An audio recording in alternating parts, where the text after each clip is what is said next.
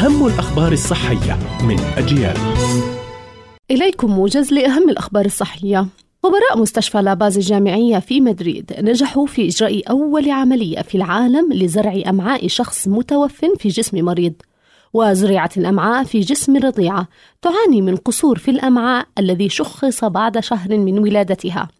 وبعد إجراء هذه العملية ونجاحها أصبحت هذه المستشفى المؤسسة الطبية الوحيدة في إسبانيا المرخص لها بإجراء جميع أنواع عمليات زرع الأعضاء للأطفال أخصائية أمراض نساء وتوليد تقول إن العلامات الرئيسية لالتهاب المثانة عند النساء الرغبة المستمرة بالتبول، الشعور بالحرقة، بول عكر، والبول برائحة غريبة، ووجود دم في البول وارتفاع في درجة حرارة الجسم.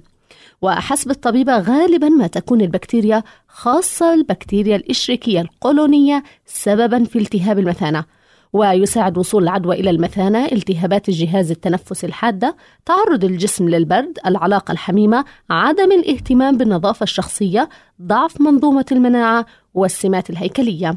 ويجب أن يكون علاج التهاب المثانة متكاملا ويشمل تناول المضادات الحيوية ومضادات التشنج ومسكنات الألم وأدوية مضادة للالتهابات وأدوية مدرة للبول. يؤدي الحديد دورا رئيسيا باعتباره أحد مكونات الهوموغلوبين وهو بروتين خلايا الدم الحمراء المسؤول عن نقل الأكسجين من الرئتين إلى خلايا الجسم كما يساهم في عملية تقسيم الخلايا. ويعزز فيتامين سي امتصاص الحديد لذلك من الجيد استهلاك خضروات تحتوي على فيتامين سي عند تناول اللحم الذي يحتوي على الحديد بكمية كبيرة.